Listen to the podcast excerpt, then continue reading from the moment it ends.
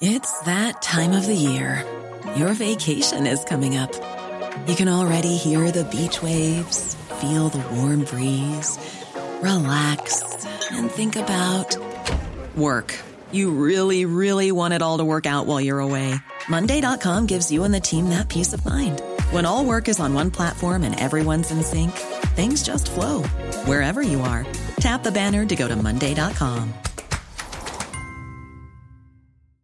Hiring for your small business? If you're not looking for professionals on LinkedIn, you're looking in the wrong place. That's like looking for your car keys in a fish tank. LinkedIn helps you hire professionals you can't find anywhere else, even those who aren't actively searching for a new job but might be open to the perfect role. In a given month, over 70% of LinkedIn users don't even visit other leading job sites. So start looking in the right place. With LinkedIn, you can hire professionals like a professional. Post your free job on linkedin.com slash people today. There's never been a faster or easier way to start your weight loss journey than with PlushCare. PlushCare accepts most insurance plans and gives you online access to board-certified physicians who can prescribe FDA-approved weight loss medications like Wigovi and Zepbound for those who qualify. Take charge of your health and speak with a board-certified physician about a weight loss plan that's right for you. Get started today at plushcare.com slash weight loss. That's plushcare.com slash weight loss. plushcare.com slash weight loss.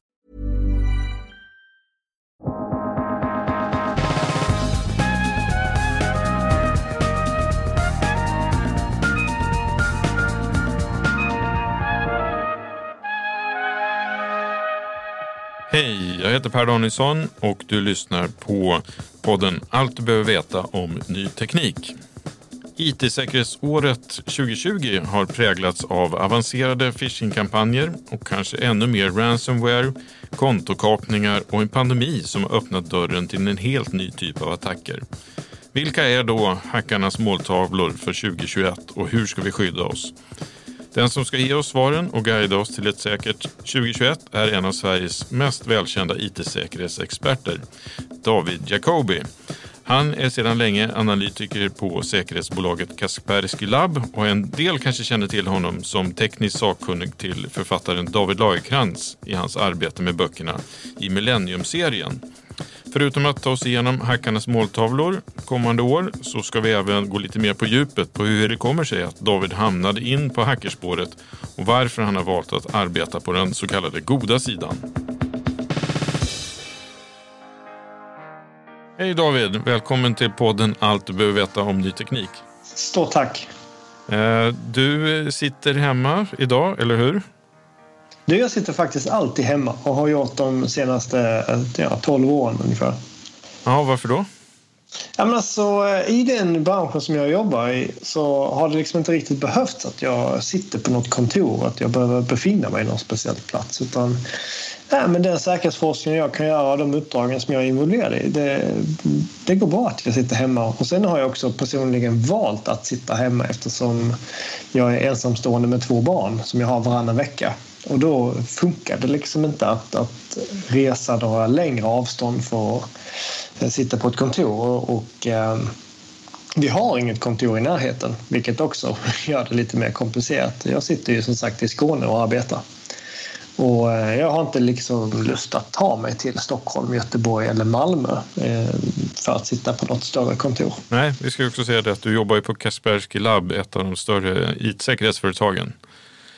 Vi ska ju prata IT-säkerhet och eh, titta, framförallt blicka framåt och kolla, eh, höra med dig vilka som är hackarnas stora måltavlor 2021. Men först tänkte jag att du kanske kunde sammanfatta säkerhetsåret 2020. Vad, vad är det som poppar upp först i huvudet på dig då?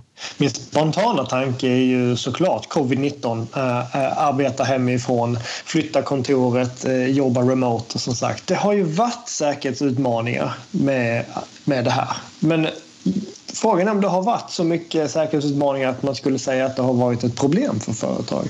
Jag har fått känslan att de flesta företagen har lyckats ganska bra när det kommer till att flytta eh, sin, sin arbetsstyrka hem helt enkelt, eller remote på olika platser. Att det har gått ganska bra med VPN-lösningar och mail och, och så här. Sen tänker jag är det något som håller i längden? Jag menar, vi, vi vet om att vi sänker vår, eh, vårt säkerhetstänk ganska mycket när vi sitter hemma jämfört med att sitta på ett kontor. För att på kontoret, det låter dumt det jag ska säga nu, men vi känner oss lite mer delaktiga slash övervakade på kontoret. Vi, vi får en viss säkerhet på det lokala nätverket på företaget som vi inte har hemma till exempel. På företaget så har vi kanske backup-lösningar, vi har Active Directory-lösningar, vi har eh, filter av olika slag som blockar skadliga saker som vi inte får hemma. Hemma har vi liksom vår hemmarouter och vi har möjligtvis ett VPN som gör att vi kan komma åt olika tjänster på företaget men vi får inte samma säkerhet som, som företaget har på sitt nätverk. Nej, och just när vi jobbar hemma då så pratas det, har pratats mycket om digital first, men nu är ett nytt begrepp eh, synas lite mer och det är remote first och det här eh, Flera av dina kollegor i branschen eh, pekar ut just hemarbetet som den stora säkerhetsrisken för 2021. Håller du med? Nej, jag, jag, tycker faktiskt inte det är den stora risken 2021. Ehm, jag har ju som sagt kanske en liten provocerande filosofi när det kommer till att förutspå säkerhetsproblem i framtiden. Och jag tror ju, och, och det baserar jag på, på någon form av historik, det är att vi kommer ha samma problem i framtiden som vi har haft hit, alltså fram till nu. Och det är för att vi har inte lärt oss att ta hand om de problemen som vi har sett tidigare riktigt. Och därför tror jag de stora säkerhetsproblemen ehm, 2021 kommer alltså inte enbart vara eh, för att vi, vi jobbar hemifrån. För att det där kommer vi lösa ganska snabbt, tror jag. Att, att utöka säkerheten för våra hemanvändare.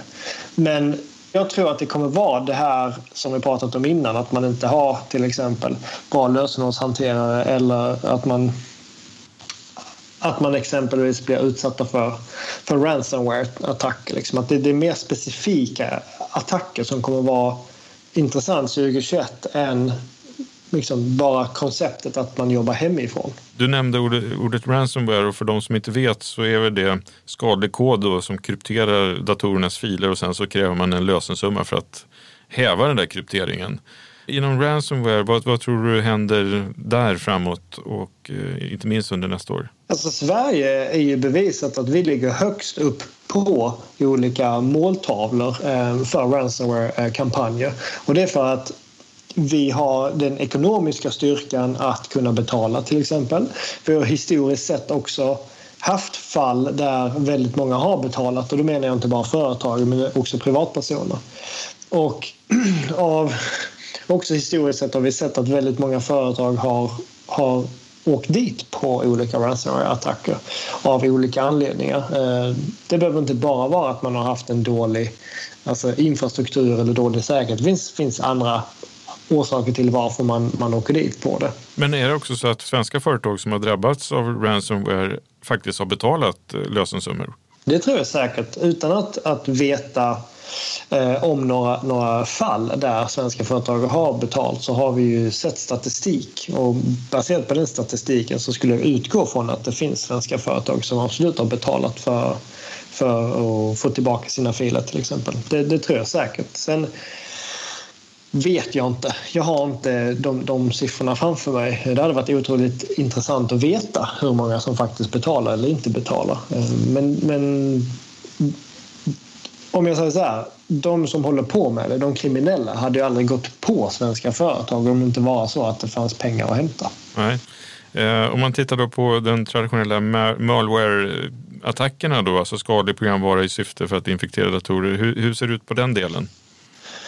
Ja, det är någonting som konstant pågår hela tiden. Och vi har ju sett innan att det går liksom lite i vågor. Det går i vågor i, alltså i kombination med till exempel eh, hur många sårbarheter som publiceras och, och, vilka typer av sårbarheter det är som, som kommer ut. Desto fler sårbarheter som, som publiceras och eh, eh blir märksamma liksom för den stora massan, desto mer virus och sånt kommer vi se. Mm. Eh, för att då har vi också sett att det finns ju såklart eh, vanlig traditionell virus som använder sårbarheter eller utnyttjar sårbarheter som man inte känner till, som det inte finns en patch för.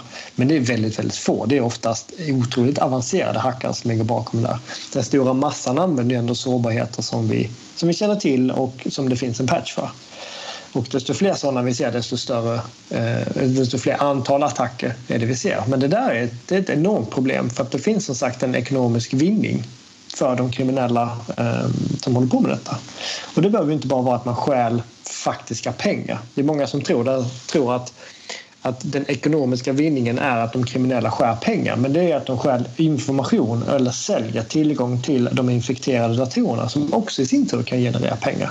Det är liksom en hel vetenskap den här underjordiska ekonomin men det är inte bara så att man stjäl pengar för att tjäna pengar utan man stjäl annan typ av information och säljer tillgång till den informationen eller resurserna för att tjäna pengar. Du lär ju ägna mycket tid att studera just sårbarheter. Vad, hur har det här utvecklats under den tid som du har gjort det? Ja, det är faktiskt ganska intressant att det finns liksom en röd tråd när det kommer till sårbarheter som man identifierar.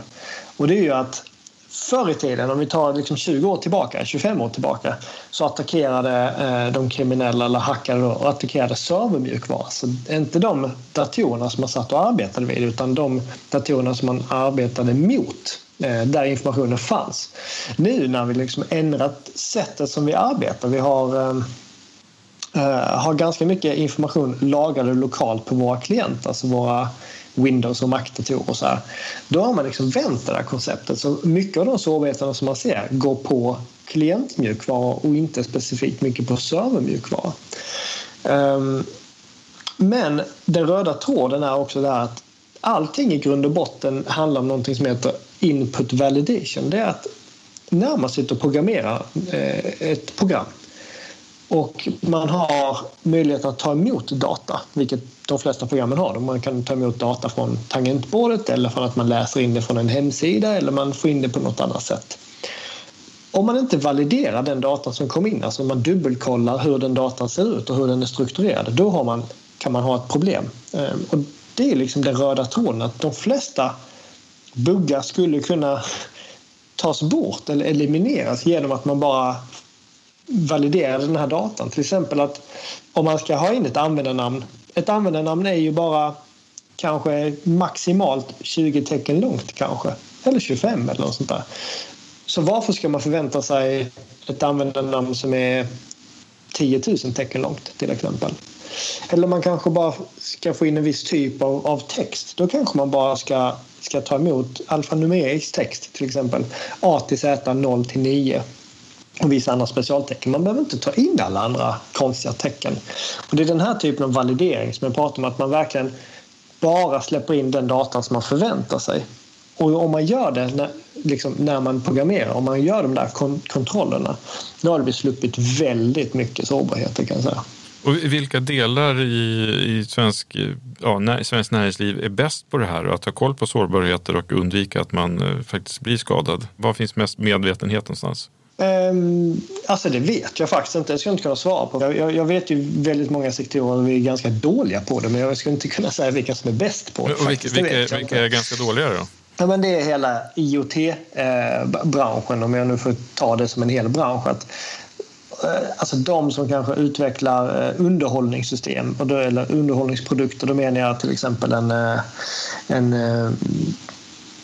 en smart-tv eller liksom en, en nätverkshårddisk eller något i den stilen. Alltså en, en, en leverantör som är väldigt duktiga på det de gör men ganska dåliga på just IT-säkerhet.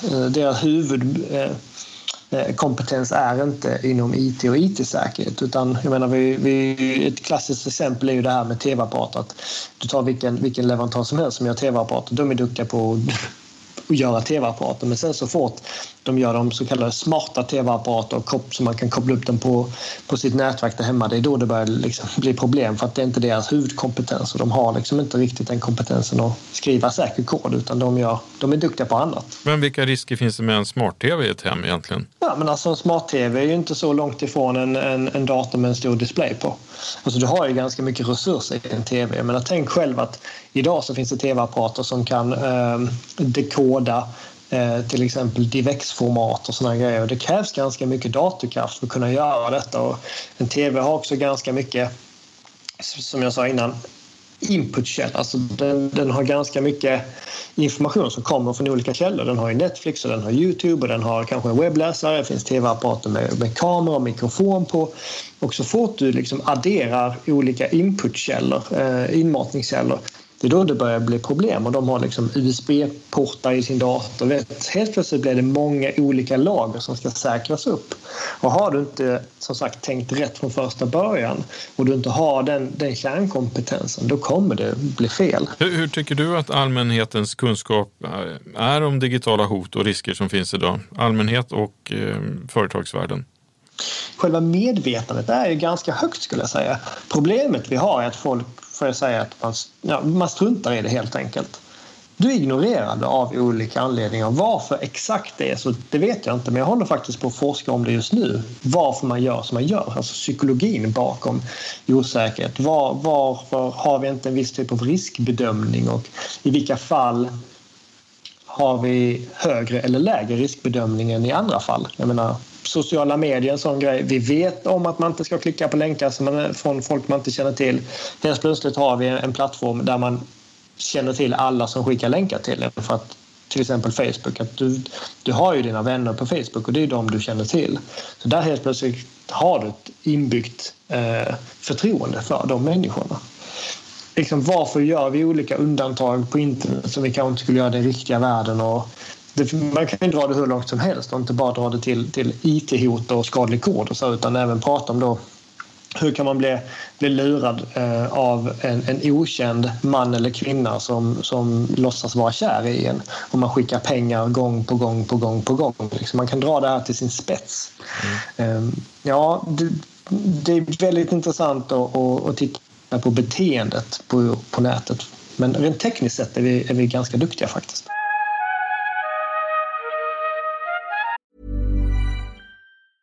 Many of us have those stubborn pounds that seem impossible to lose, no matter how good we eat or how hard we work out. My solution is PlushCare. PlushCare is a leading telehealth provider with doctors who are there for you day and night to partner with you in your weight loss journey. They can prescribe FDA-approved weight loss medications like Wagovi and Zepbound for those who qualify. Plus, they accept most insurance plans. To get started, visit plushcare.com slash weight loss. That's plushcare.com slash weight loss. Hiring for your small business? If you're not looking for professionals on LinkedIn, you're looking in the wrong place. That's like looking for your car keys in a fish tank. LinkedIn helps you hire professionals you can't find anywhere else, even those who aren't actively searching for a new job but might be open to the perfect role. In a given month, over 70% of LinkedIn users don't even visit other leading job sites. So start looking in the right place. With LinkedIn, you can hire professionals like a professional. Post your free job on linkedin.com slash people today. Hey there, it's Michelle Norris. I'm host of a podcast called Your Mama's Kitchen. When I travel, I'm usually looking for a way to find a taste of home when I'm not at home. And one of the things I love to do when I am at home is entertain. And Airbnb allows me to do that. When I was in California recently, I rented a house that had a great kitchen. And when we were sitting around the table, we're all thinking, we're in someone else's house. Someone could be in all of our homes as well. If you have a home, but you're not always at home, you have an Airbnb. Your home might be worth more than you think. Find out how much at airbnb.com/slash host. Hey, it's Ryan Reynolds, and I'm here with Keith, co star of my upcoming film, If, only in theaters, May 17th. Do you want to tell people the big news? All right, I'll do it. Sign up now and you'll get unlimited for $15 a month in six months of Paramount Plus Essential Plan on us. Mintmobile.com slash switch. Upfront payment of $45 equivalent to $15 per month. Unlimited over 40 gigabytes per month. Face lower speeds. Videos at 480p. Active Mint customers by 531.24 get six months of Paramount Plus Essential Plan. Auto renews after six months. Offer ends May 31st, 2024. Separate Paramount Plus registration required. Terms and conditions apply if rated PG. Burrow's furniture is built for the way you live. From ensuring easy assembly and disassembly to honoring highly requested new colors for their award-winning seating, they always have their customers in mind. Their modular seating is made out of durable materials to last and grow with you. And with Burrow, you always get fast, free shipping. Get up to 60% off during Burrow's Memorial Day sale at burrow.com slash ACAST. That's burrow.com slash ACAST. burrow.com slash ACAST.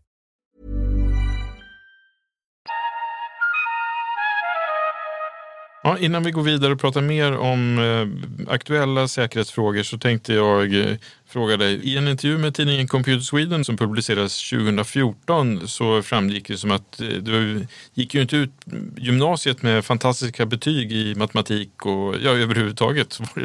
Det, det såg rätt mörkt ut och ändå så gav du dig in på den här linjen. Hur, hur kommer det sig? Alltså jag vill ju bara ifrågasätta varför du säger att det såg mörkt ut. Eh, det beror ju på lite vad man, vad man eh, vill åstadkomma i livet. Men jag visst, jag håller helt med. Jag hade ju otroligt dåliga betyg och var inte alls någon, eh, någon bra student. Jag, eh, jag, ska inte, jag ska inte vilja säga att jag skäms över mina betyg, men det såg ju... Ja, det, skulle jag söka in till en högskola så hade ju, eh, ja, de har ju stoppat mig långt innan jag kom till dörren. Så jag hade inte fått komma någonstans. Men redan då så hade jag ju ett jobb och jobbade med IT-säkerhet. Jag fick mitt jobb, mitt första jobb på andra året på gymnasiet där jag var säkerhetsansvarig för ett lite mindre webbhotell i Stockholm. Ehm, där, där mitt jobb var som sagt att ja, se till att de hade alla de senaste uppdateringarna av, av sin mjukvara och konfigurera, konfigurera de olika servrarna på rätt sätt. Så redan då hade jag ju en, en, en passion för IT-säkerhet och, eh, och så här. Och det är egentligen tack vare alla företag som jag har jobbat på som har trott på mig och, eh, och att själva IT-säkerhetsbranschen är väldigt tacksam att du kan har möjligheten att bevisa att du kan det du påstår att du kan utan att kasta ett betyg i ansiktet på, på din arbetsgivare.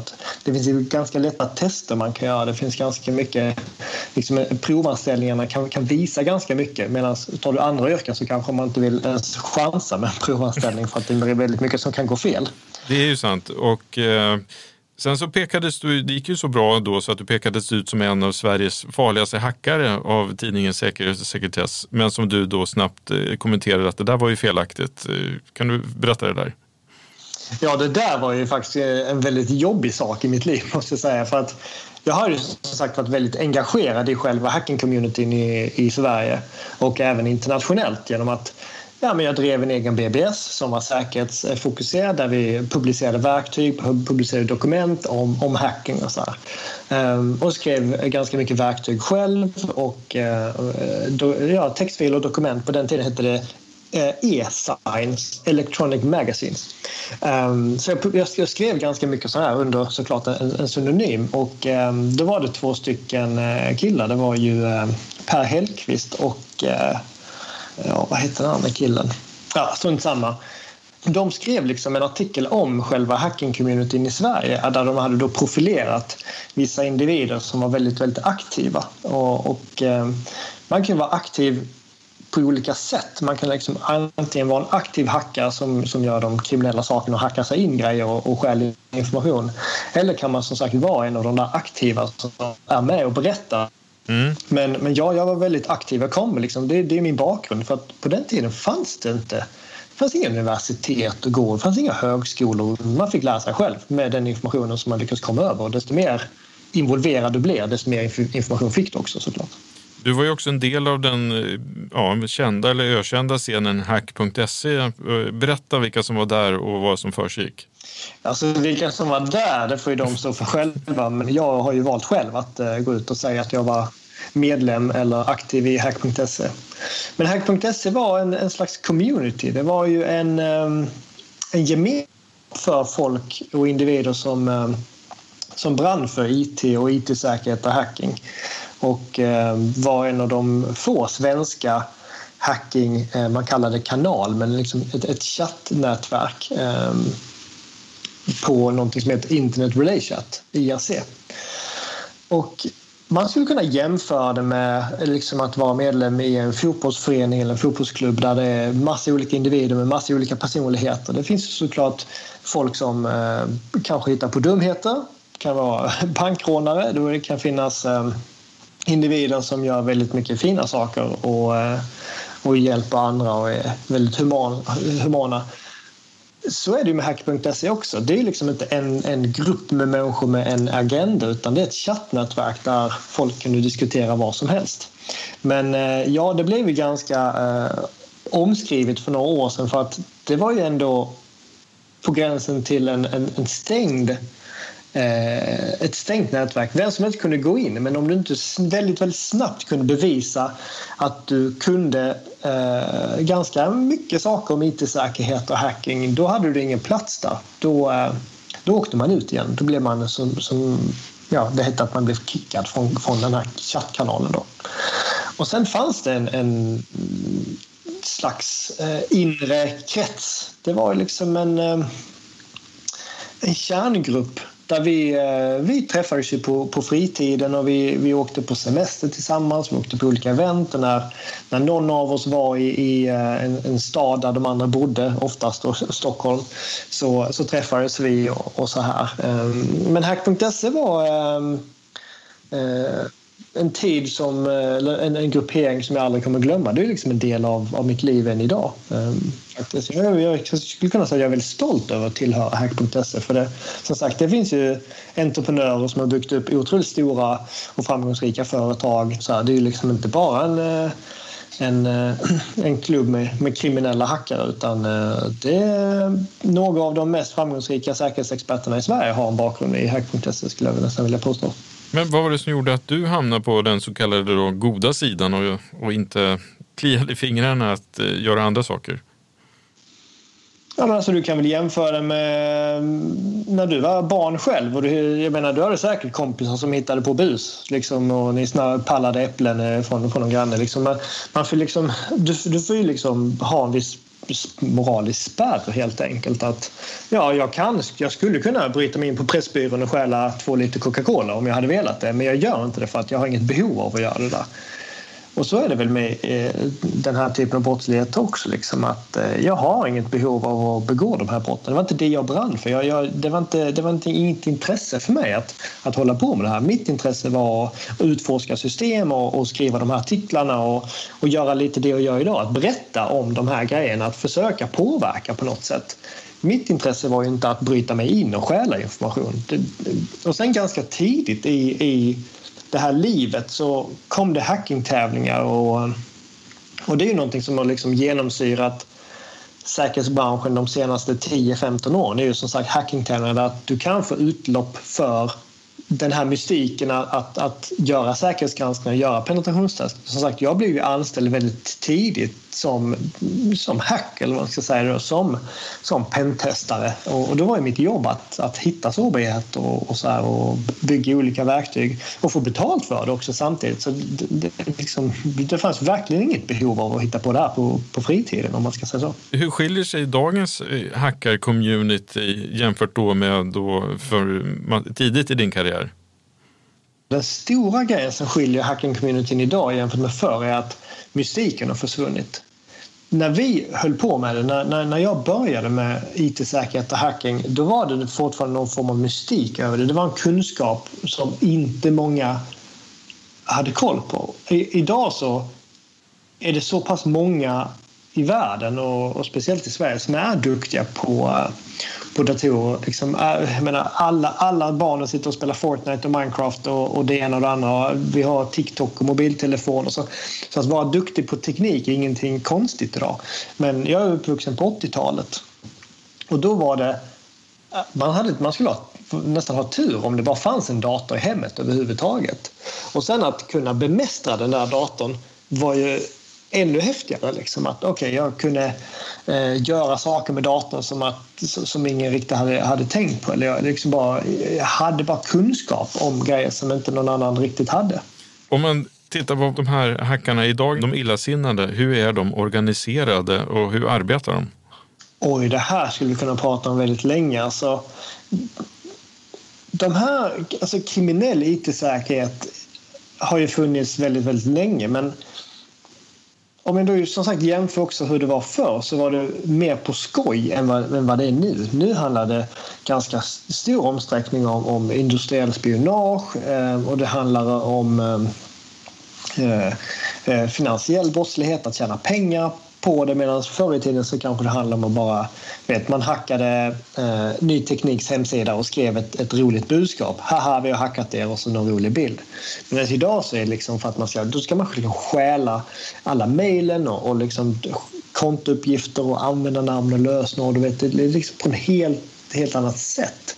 Um, och sen har vi också tydligt sett tecken på att den riktiga brottsligheten som finns i den riktiga världen förflyttar sig digitalt. Liksom du kan eh, köpa knark, du kan köpa vapen, du kan köpa prostitution, du kan, eh, kan göra alla de sakerna som, som du kan göra i den riktiga världen kan du göra digitalt också. Men sen att även de som håller på med det i den riktiga världen har börjat hålla på med det digitalt också. För att, att kunskapen och information på hur man gör det här är mycket mer lättillgänglig nu än vad den var för 20 år sedan. Mm. Eh, och intresset för it-säkerhet är ju rätt stort i alla fall om man tittar på bland våra läsare om man gör sökningar och vi investerar allt mer pengar för att skydda våra tillgångar. Samtidigt så pumpar ni som it-säkerhetsbolag ut, eh, ständigt ut rapporter och analyser om hot och man får en känsla av att lite skrämselpropaganda eller domedagspropaganda. Eh, håller du med? Ja, till viss del gör jag det. För att eh, tyvärr, nu kommer du få en känga också. Det är att ni journalister, ni väljer att skriva om saker och ting som, som genererar väldigt mycket läsare. Så ni har faktiskt en del i det här spelet också. Om jag skulle ringa upp dig eller någon annan journalist och säga jag skulle vilja prata om säkerhet. Jag skulle vilja prata om det som faktiskt bygger säkerhet på riktigt för att vi ska förhindra att, att folk blir utsatta på internet. Så är det, kommer det bli en ganska tråkig artikel där man pratar om accessregler, man pratar om strukturer, man pratar liksom om de här eh, lösningarna har vi pratat om i, liksom i, i 30 år nu.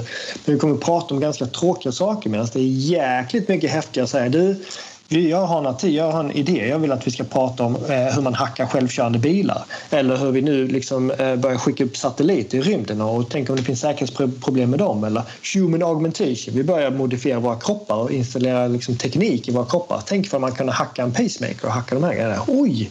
Då helt plötsligt har man massa saker att skriva om. För det är häftigt, det är science fiction, det är coolt.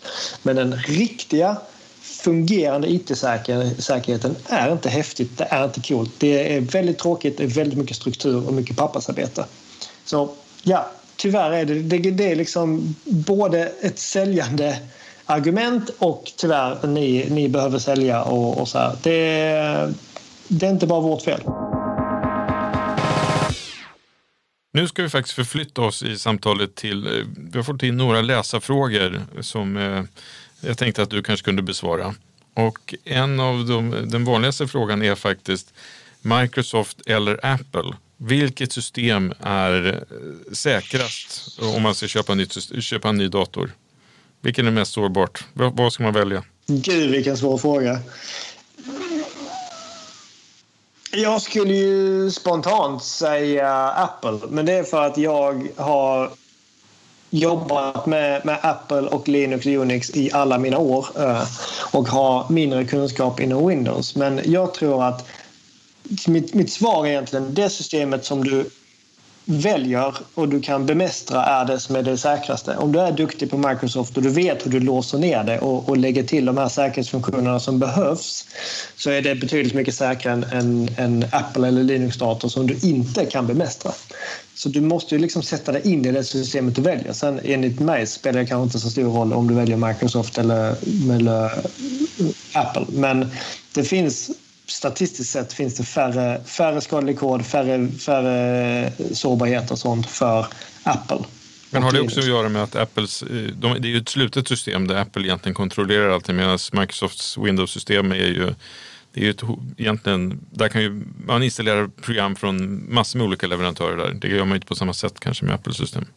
Eh, jo, det gör du för att du har Java, du har Chrome, du har Firefox, du har Outlook, du har eh, Adobe Acrobat Reader. Du har olika mm. grejer på en, på en Mac också. Så ja, men det stämmer inte. Eh, tyvärr, du har Spotify, du har BankID, du har liksom program från massa olika, känd, eh, olika källor. Um, Microsoft har ju ett annat problem kanske med stabilitet. Att, att du har drivrutiner och du har andra saker liksom, på datorn som gör att, att den kanske blir lite mer instabil. Det är det man menar med ett slutet system. Men Apple-datorn har ju liksom samma hårdvara, samma allting. Den behöver inte ha stöd för oändligt mycket hårdvara som, som en Microsoft-dator har till exempel.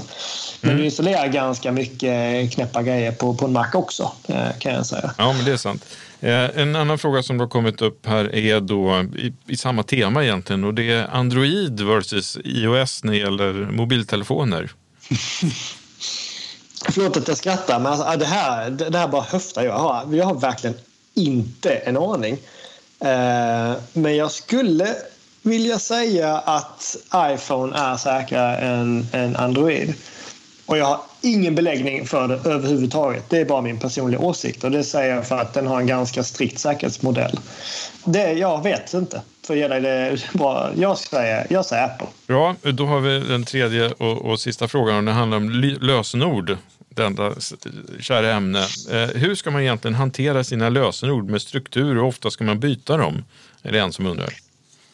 Okej, okay. ett, du ska bara byta dem ifall du vet om att det har blivit komprometterat. Det vill säga att de, det lösenordet har läckt på något sätt eller det till, tillhör ett konto som har blivit kapat på något sätt. Då ska du byta, annars behöver du inte byta. Det viktigaste tycker jag är att man har unika lösenord. Det vill säga att man inte återanvänder samma lösenord på olika sajter. Och då är det många som tänker så här, jajamän David, men nu har jag 30 stycken sajter som jag behöver logga in på. Hur ska jag komma ihåg 30 olika lösenord? Då tänker jag så här, jag har en jättebra lösning på hur man kan komma ihåg detta. Det är att man tänker inte på ett lösenord som ett ord överhuvudtaget. Det heter ju lösenord, men tänk inte på det som ett ord. Tänk det på det som en fras istället. Och en fras kan vara ett citat från en film eller en bok eller någonting som är personligt till dig. Det har man också hört att säkerhetsbranschen säger så här. Lösenord ska inte vara personliga för de är lätta att gissa. Jag säger tvärtom. Ha personliga lösenord för då är det mycket lättare att komma ihåg. Det ja, det är bra. du ska ha ditt efternamn. Liksom. Så personligt behöver du inte gå. Men om vi då tar en fras till exempel. Eh, som kan vara till exempel Jag gillar blåa bilar. Bara den meningen är längre än vad de flesta lösenorden är idag. Men vi kör på den. Jag gillar blåa bilar. Och då baserar man alla lösenord på den frasen. Jag gillar blåa bilar. Då har man en avgränsare i form av ett specialtecken. Ett specialtecken kan ju vara ett frågetecken, ett utropstecken eller ett eh, understreck eller någonting. Men vi tar ett frågetecken som sagt.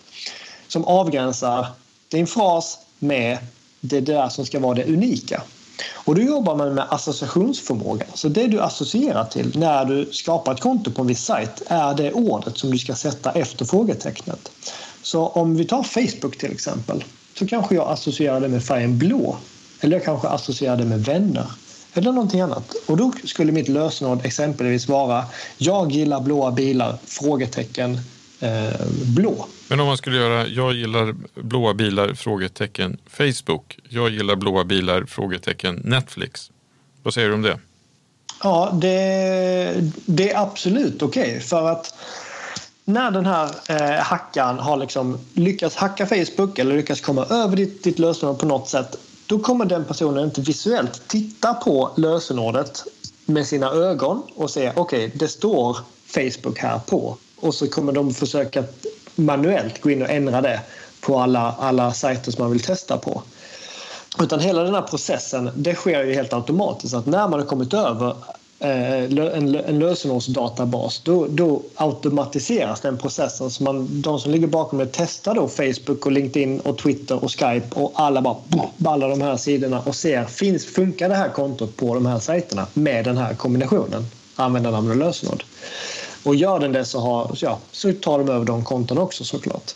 Men såklart, du riskerar ju att någon knäcker ditt system om de tittar visuellt på det. Därför skulle jag säga att det är bättre att ha det jobba med associationsförmågan mm. eh, än bara skriva Facebook eller LinkedIn eller Twitter. Eller så. Men kommer det komma en tid då vi inte behöver lösenord alls?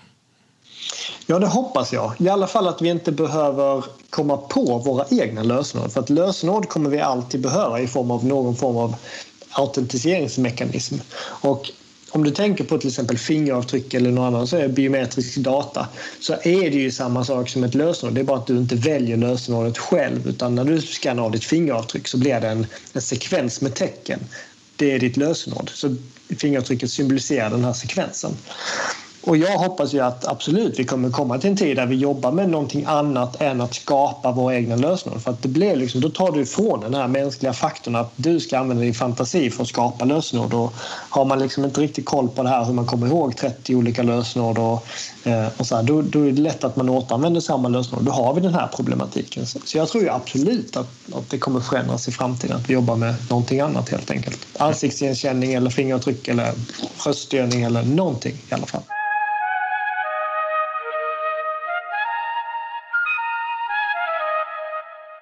Ja, vi börjar närma oss slutet. Ehm, vilka tre råd skulle du vilja ge till en privatperson så här inför, för att man ska känna sig säker online inför 2021 och framåt? Ja, men det första är ju som sagt, återanvänd inte samma lösenord överallt. Den är ju jätteviktig för att ja, det är väldigt lätt att åka dit på det. Den andra delen är ju såklart, se till att uppdatera alla mjukvaror som du har på din dator. Du kör ju säkert Chrome och du kör, kör säkert Java och annan mjukvara som behöver uppdatera sig.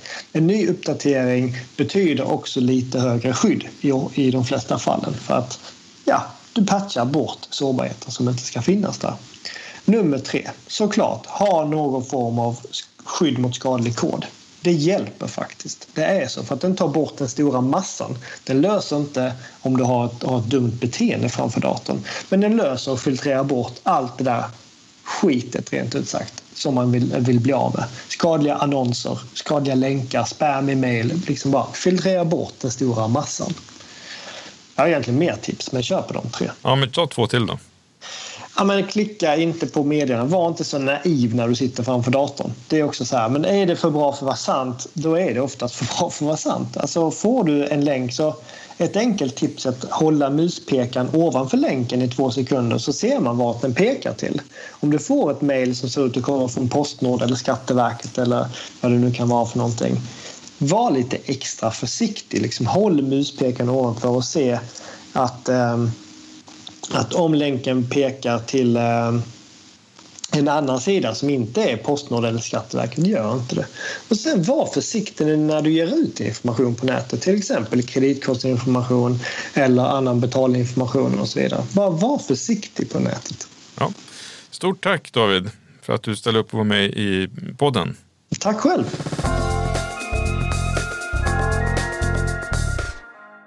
Ja, vi tackar alltså David Jacobi, IT-säkerhetsexpert, för att han ställde upp i det här avsnittet. Klicka gärna på prenumerera så missar du inget avsnitt och så hörs vi nästa vecka. Tack så mycket. Hej hej!